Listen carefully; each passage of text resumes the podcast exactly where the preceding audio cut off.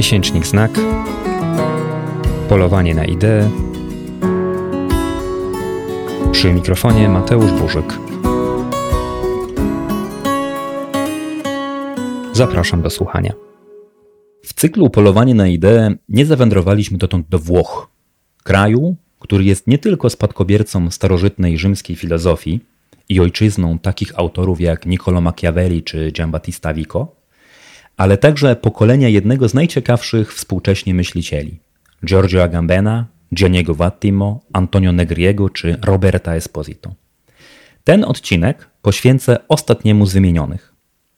Zwróciłem uwagę na kontekst narodowy, ponieważ zazwyczaj koncentrujemy się tu na poszczególnych myślicielach lub ich książkach.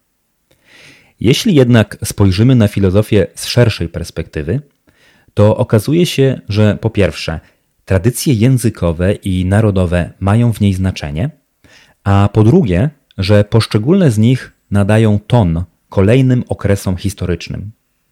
I tak, w odniesieniu do najnowszej historii filozofii spotkać można opinię, że pierwsza połowa XX wieku została zdominowana przez myślicieli niemieckich, takich jak Husserl czy Heidegger. Na drugiej połowie swoje silne piętno cisnęli Francuzi, np. Foucault czy Derrida. Mocne oddziaływanie na początku XXI wieku przypisuje się zaś wspomnianym już Włochom. Esposito to myśliciel, którego zdążyłem dobrze poznać, zarówno prywatnie, jak i w zakresie jego intelektualnych propozycji. Przygotowując się do tego nagrania, zorientowałem się jednak, że choć wymieniłem z nim dziesiątki maili, spędziłem całkiem sporo czasu w Krakowie i w Neapolu, choć pamiętam co robią i gdzie mieszkają jego dzieci, to stosunkowo niewiele wiem o jego biografii, o tym, co robił w poszczególnych dekadach swojego życia. Podstawowe fakty przedstawiają się tak. Esposito urodził się w 1950 roku w miejscowości Piano di Sorrento, 50 km od Neapolu, gdzie studiował i gdzie mieszka do dziś. Lubi żartować, że bez spędzenia chwili czasu w tym tętniącym życiem mieście nie da się zrozumieć włoskiej filozofii. Nie jest to majestatyczny Rzym, piękne Siena czy Florencja, ani bogaty Mediolan. Neapol jest miastem gwarnym, zabrudzonym, gdzie zabytki giną w codziennym zgiełku i przyziemnych problemach. Jest miastem, które oddaje żywy charakter włoskiej filozofii. Esposito wykłada obecnie w Scuola Normale Superiore w Pizie, prestiżowej włoskiej uczelni. Przede wszystkim jednak koncentruje się na pisaniu książek. Od 20 lat publikuje mniej więcej jedną co dwa lata. Najbardziej znane z nich to Communitas, źródło i przeznaczenie wspólnoty, Immunitas, ochrona i negacja życia oraz Bios, filozofia i biopolityka. Na język polski przetłumaczony został zbiór jego esejów pod tytułem Pojęcia polityczne, wspólnota, immunizacja, biopolityka, który syntetycznie prezentuje najważniejsze jego koncepcje. Esposito wyrobił sobie też markę jako znawca historii i specyfiki włoskiej filozofii, której poświęcił książkę pod tytułem Myśl żywa. Pełni on też rolę spiritus movens, międzynarodowej sieci badaczy i popularyzatorów włoskiej filozofii zwanej Italian Theory Network. Jego publikacje przekładane były na wiele języków, prócz angielskiego, niemieckiego, francuskiego czy hiszpańskiego, także na japoński, koreański i chiński. Książki Esposita są dobrze znane w Stanach Zjednoczonych, gdzie moda na Italian thought, włoską myśl, zaczęła w pewnej mierze zastępować popularną French theory, a więc filozofię Michela Foucault, Jacques Derrida, Gilles Deleuze'a, którym omawiany dziś autor sporo zresztą zawdzięcza. W 2013 roku Esposito pojawił się w Krakowie, prowadząc gościnnie zajęcia na Uniwersytecie Jagiellońskim. Lądował w maju w puchowej kurtce, wyraźnie niepewny tego, co go czeka w tym nieznanym mu kraju. Jego intensywne międzynarodowe tournée, pobyty na wielu europejskich uniwersytetach, a także w Stanach Zjednoczonych, Argentynie czy Japonii, wyhamowało dopiero nadejście epidemii COVID-19. Początek pandemii był momentem dużej aktywności Esposita. Prasa i grupujące filozofów strony internetowe publikowały jego polemiki z George Agambenem. Filozofem, jak się wówczas okazało, mocno sceptycznym wobec restrykcji nakładanych na społeczeństwa przez rządy poszczególnych państw. Esposito rozumiał konieczność tych ograniczeń i apelował, by nie zrównywać tymczasowych obostrzeń podyktowanych uzasadnionymi obawami o zdrowie obywateli z zamachami na wolność jednostek. Jednocześnie wydawca Esposito przygotował w tym czasie nową edycję jego książki pod tytułem Immunitas, mierzącej się z wyzwaniami, jakim stało się w nowożytnej myśli politycznej pragnienie bezpieczeństwa, czy innymi słowy uodpornienia się na obecne w świecie społecznym ryzyko. Ta napisana na początku lat 2000 praca w niezwykły sposób wyprzedziła wywołane koronawirusem dyskusje. Punktem wyjścia naszych rozważań musi być sposób, w jaki Esposito rozumie wspólnotę. Podczas gdy zazwyczaj kojarzymy ten termin z ciepłem własnego domu i poczuciem akceptacji, on sugeruje, że wspólnota to przestrzeń, w której jednostki się zatracają i przed czym muszą się jakoś bronić. Dlaczego? Bo wspólnota to przeciwieństwo tego, co własne, tego, co kontrolujemy i co zależy tylko od nas.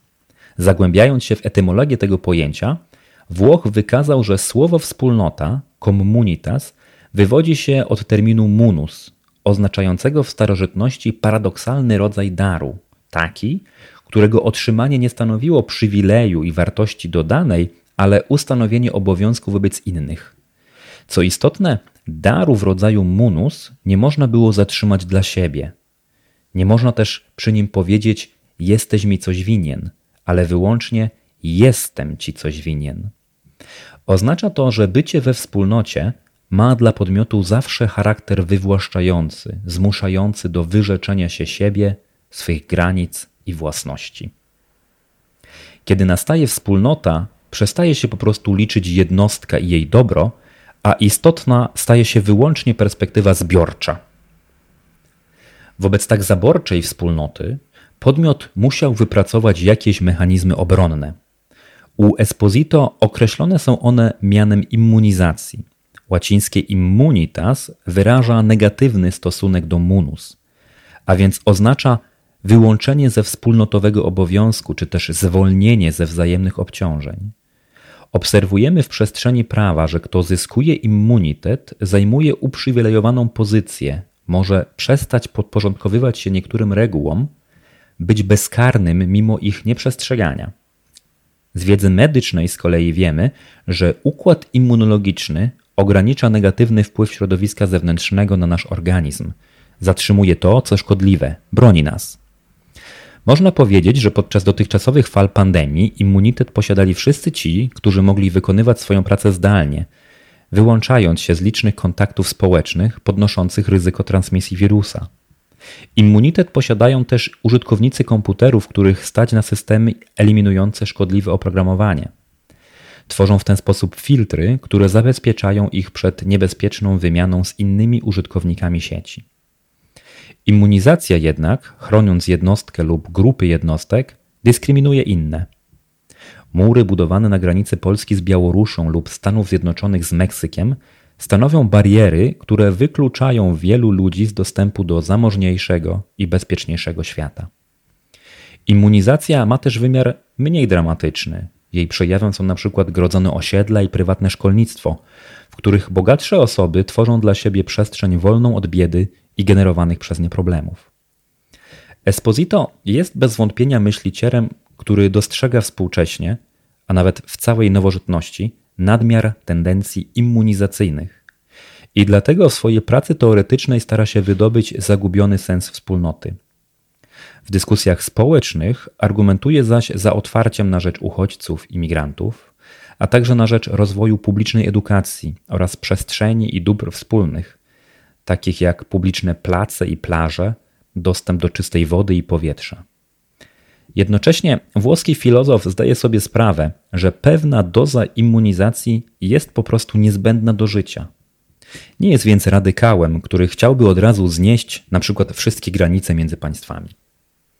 Komunitas i immunitas warto postrzegać nie jako trwałe stany, ale wzajemnie warunkujące się procesy uwspólniania oraz uodparniania, przybierające różne oblicza intensywności.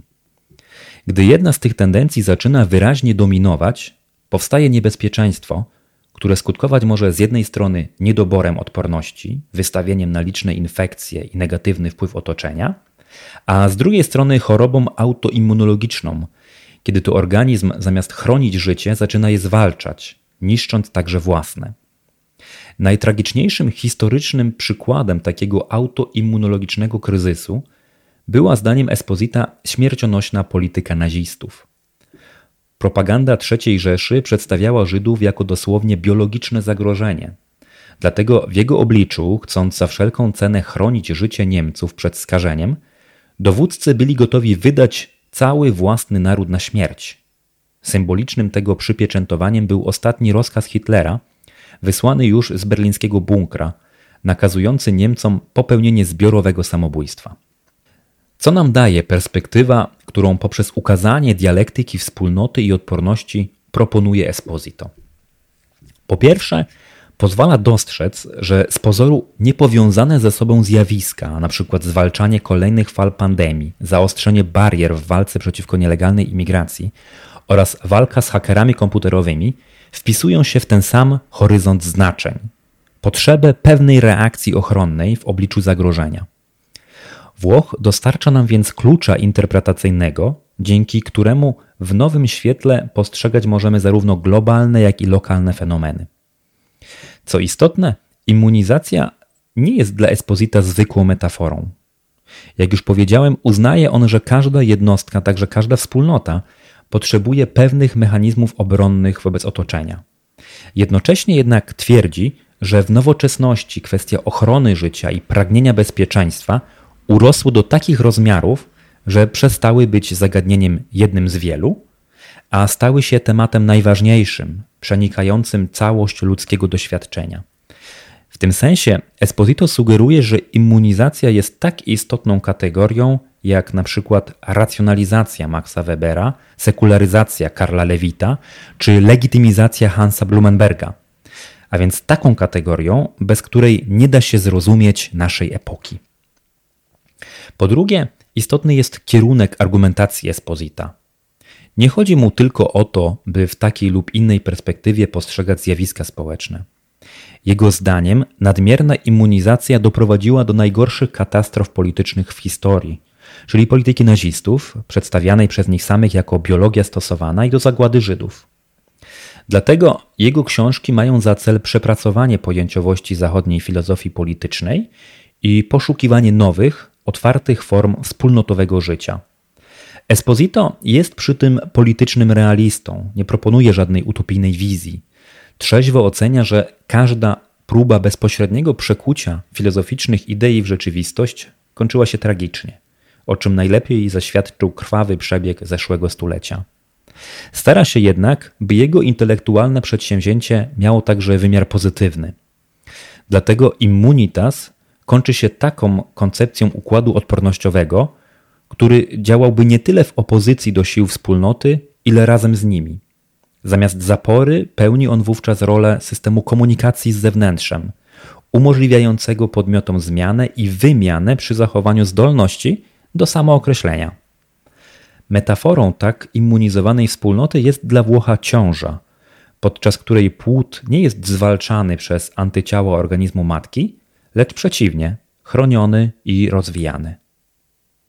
Ciąża to oczywiście dość specyficzny przykład, ale może wcale nie musimy mieć od razu gotowej wizji nowej, inkluzywnej wspólnoty. Może wystarczy, że odrzucać będziemy jawnie dyskryminujące bariery, sztucznie oddzielające jednych ludzi od drugich, a w zamian rozwijać będziemy w sobie tolerancję wobec odmienności i gotowość do dzielenia się tym, co posiadamy, czasem nawet w nadmiarze. To byłoby już naprawdę sporo.